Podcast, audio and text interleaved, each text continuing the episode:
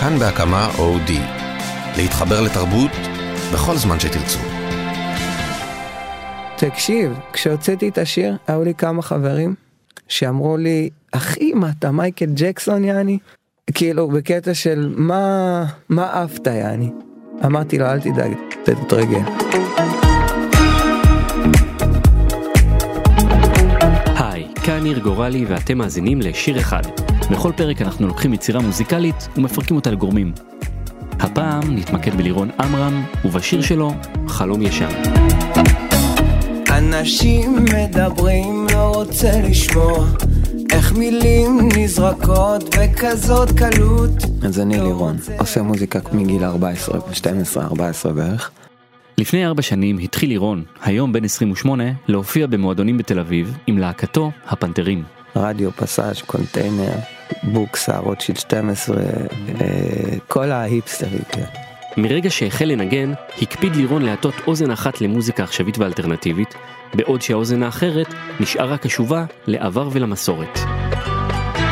השחר כבר עלה ולא עצמתי עין. כדי להבין טוב יותר את השורשים של עמרם, בואו נציץ בבית שבו גדל. גדלתי במשפחה מוזיקלית אצל אבא שלי ששמו אהרון עמרם. מוזיקאי שעלה מתימן מצנעא בשנת אה, 1950, אחד החלוץ בתחומו, הוא לדעתי היה גם הזמר יהודי כאילו הראשון ששר בערבית בארץ. אהרון עמרם היה חתום בחברת התקליטים האגדית קוליפון, כתב שירים לזוהר ארגוב וליאופרה חזה, שיתף פעולה עם הכווייטים והופיע לצד שרלז נבור.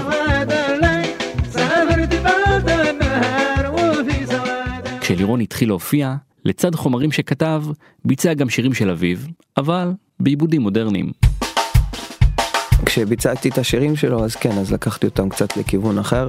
ואני חייב לציין שכאילו הם כן נמצאים שם במקור. פשוט אני נתתי להם איזה סוג של אפדייט ולהנגיש אותם קצת לקהלים שהם לא מגיעים אה, עם רקע של מוזיקה תימנית או ערבית או whatever. בסוף 2014 ותחילת 2015 הוציא שני סינגלים כפולים בהפקת בנו הנדלר. כל אחד כלל שיר מקורי שכתב, לצד עיבוד חדש לשיר של אביו. בזכות החיבור הזה בין שני העולמות הודבק לו הכינוי היפסטר מזרחי. מזרח היפסטרים כבר. מההופעה הראשונה שלי, השנייה שלי, כבר היה כתבות ושמו לב, כאילו שיש שם מישהו. ובעצם כאילו קיבלתי הרבה תשומת לב מאנשים שמבינים במוזיקה. אבל זה לא מתניע ברמה שאני מצפה, זה מתניע ברמה שכאילו...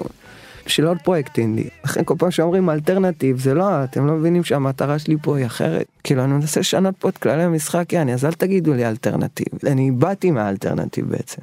אבל יש פה משהו גדול מזה.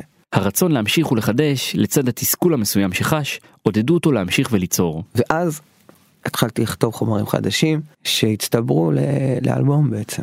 הוא כתב 12 שירים. חלום ישן היה האחרון שבהם. באתי, ישבתי על השולחן, כתבתי שיר, וידעתי שזה השיר יעני, שהיה חסר לי.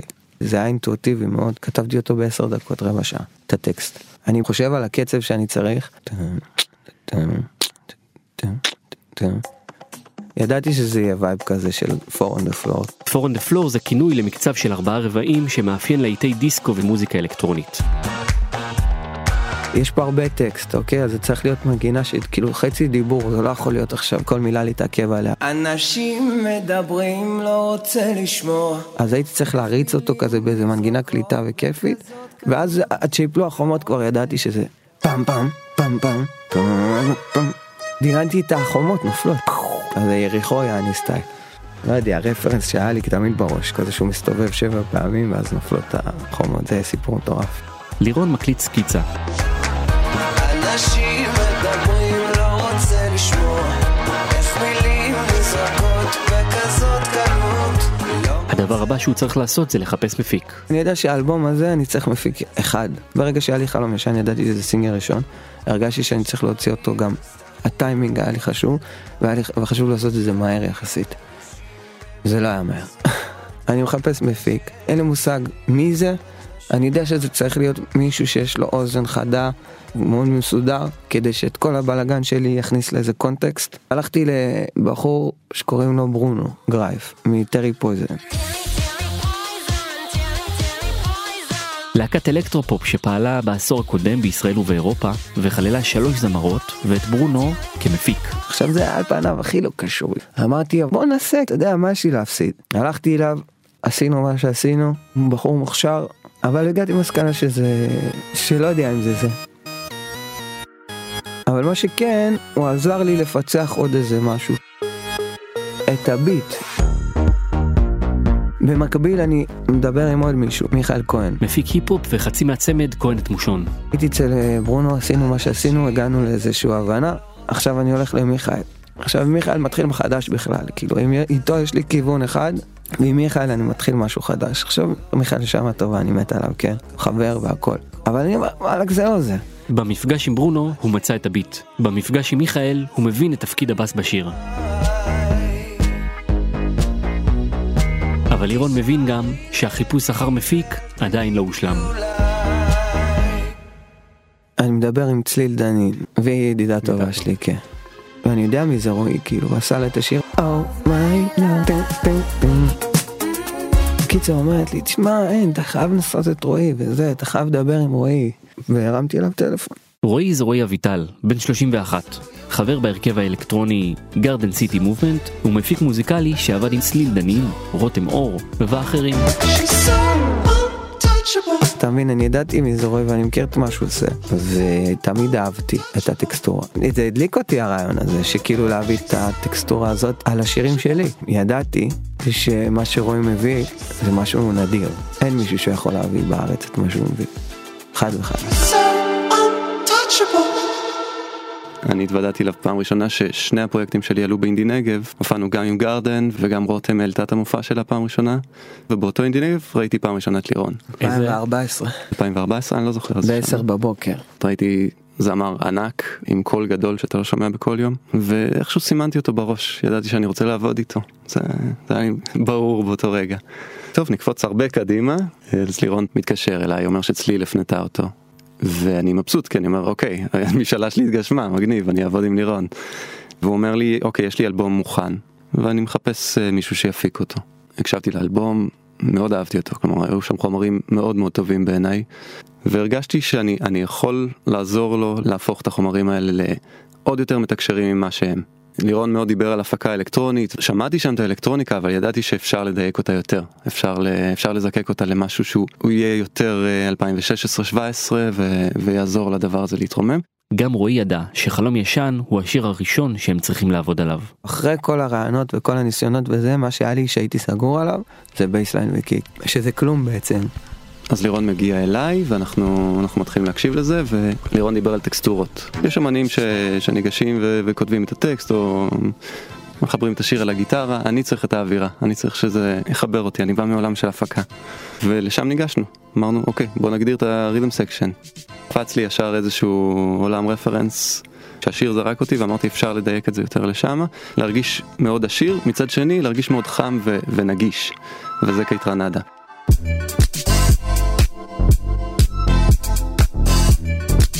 אמן קנדי, אלקטרוני, dance, R&B וכן הלאה.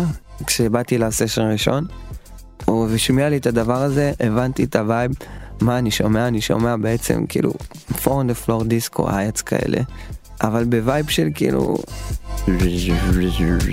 כאילו vibe, כאילו חדש כזה, אלקטרוני, 2016 כזה. אהבתי את הכיוון, אמרתי לו סבבה, זה רפרנס טוב. תקשיב, סשן ראשון, הוא בא מוריד את ה bassline, מדייקים אותו ביחד, הוא הביא את ה feel שלו בעצם. אוקיי? עכשיו, הוא ניגן את זה על הבאס, הוא הכניס את הסטייל שלו, הורדנו beat וגם vocals לדעתי. והשיר, תקשיב, הבסיס שלו היה מוכן בסשן. יצאתי מהסשן הראשון. וזה היה נשמע פצצה יעני וידעתי שזה נשמע פצצה ככה בלי כלום. עכשיו אני מבחינתי זה היה יכול לצאת גם ככה עם שירה אבל אני ידעתי אחי סשן ראשון ידעתי שרועי זה מישהו שאני צריך לעבוד איתו ידעתי שהשיר הזה עובד וידעתי שזה בול העיבוד שכאילו חיכה לי יעני. כאילו שאלוהים יעני אמר לי אני שומר לך את העיבוד אני שומר לך אותו עוד קצת ומשם זה היה בעצם לא להרוס את זה ורק לצבוע את זה בצבעים הנכונים. הוספנו את הסינטים הנכונים, לקח לנו קצת זמן למצוא אותם, את הגוונים זהו. שלהם, אבל, אבל היה, חס, היה חסר לנו פה האלקטרוניקה, הבאנו את החום, הבאנו את הגרוב, הבאנו את ה bassline, הכל קורה, היה חסר לנו האלקטרוניקה, אז הבאנו את הסינטים האלה, שהם ממש, הם ממש אה, פתחו לנו את השיר ופתרו לנו הרבה מה, מהדבר. הרמונית הם פתרו הרבה. בדיוק. ולאט לאט אחר כך אה, התווספו גיטרות surf שמאוד מאוד אפיינו את השיר, מאוד חיברו אותו גם למזרחי. כן. מצד אחד נתנו לו גם הרבה סטייל. אווירה של ים, surf אחי, כאילו רק הגיטרות עם ה full reverb האלה מביאות לך את ה vibe של הים. אצלי בראש הכל מכוון, והוא, והוא, אתה יודע, והוא קורא אותי אחי, אז כאילו, ואז הוא הבין, ים, זה... עכשיו אנחנו נתקעים חודש. אני לפחות נתקעתי חודש, אני ישבתי בבית, ואני יושב וזה, ואני לא מבין איך אני מביא משהו שלא הורס את השיר, יעני, כי fucking יש לך כבר הכל מונח, בס קלידים תופים. אבל הרגשתי שה hats היה לי כאילו סטרייטי מדי, כאילו יותר מדי אלקטרוני ורציתי להביא משהו אחר. והרגשתי גם שידעתי שכינורות צריך לבוא פה. את עיבוד הכינורות כתב לירון בעצמו. כאילו כתבתי אותו במידי. אבל בשביל המיקס הסופי, הוא היה זקוק לכינורות אמיתיים, אז הוא הלך להקליט. עם עמיתי צברי. בחור עבד עם אבא שלי בעבר, משם אני מכיר אותו, הוא גר בראש העין. הוא לא יוצא מהבית, אתה בא אליו, והבן אדם גאון. הוא מתכנת uh, מגברים, הוא מפיק מוזיקלי, הוא מנגן על מלא כלים, ובאתי אליו מוכן אבל, ידעתי בדיוק מה אני רוצה. טם טם טם טם טם טם טם טם, הכל רץ לי בראש כבר חודש. ואז המשיך הפארט הזה.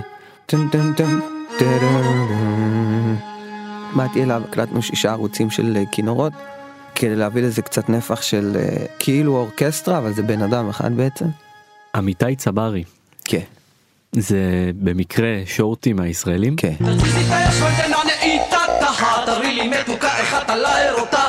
תקשיב, הבן אדם הזה, התדמית שלו הציבורית ומישהו באמת, זה שתי, שתי הקצוות הכי הפוכים שתכיר. לא, הבן אדם גאון. קודם כל זה היה להיט, אבל החוצפה הזאת בכלל ששחור עושה ראפ ומדבר גסויות כמו בארצות הברית, אחי, זה הקדים את זמנו. היום הטרש הזה חוגג, אבל וואלה, הוא עשה טרש אחי לפני 20 שנה, יעני. אחרי הכינורות נשארה רק עוד הקלטה אחת.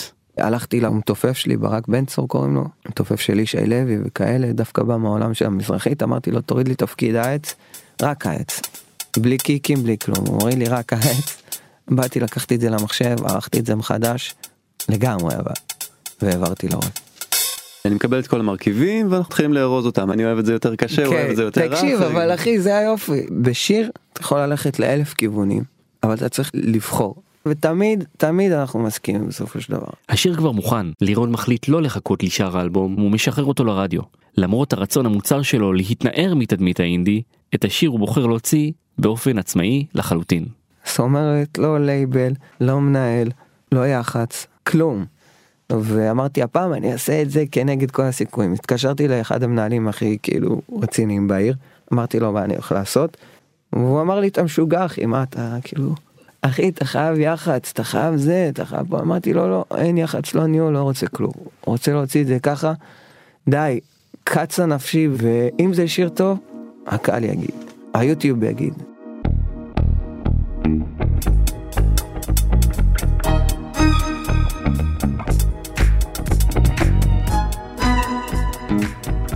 לי לא היה ספק בשיר, כי היה בו את האיכויות גם של השיר וגם את האיכויות ההפקתיות, וגם היה בו איזשהו מכנה משותף שהוא באמת באמת רחב.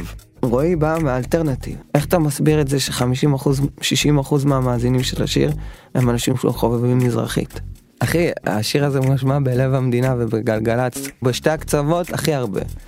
לא עשיתי שום דבר כדי להתחנף לאוזן של מישהו אחר. עשיתי את הדברים שאני אוהב, הוא עשה את הדברים שהוא אוהב. וזה ההישג של השיר בעצם. האזנתם לשיר אחד. הפקתי את התוכנית הזו עם אייל שינדלר ורום אטיק. טכנאי ההקלטה היה אסף רפפורט. מוזמנים לחפש פרקים נוספים על שירים נוספים באתר ובאפליקציות הפודקאסטים השונות. אני ניר גורלי, ניפגש בפרקים הבאים.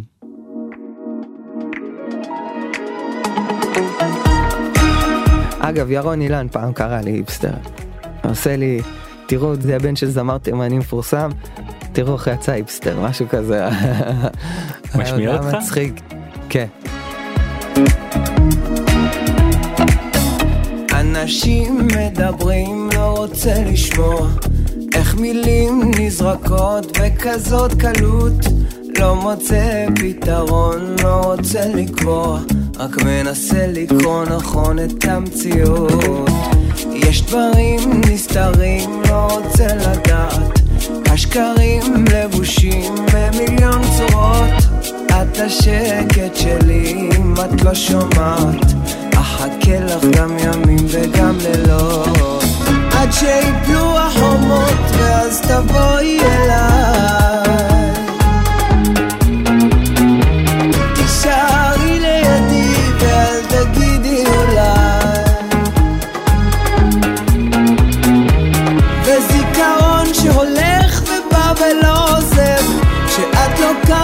כאן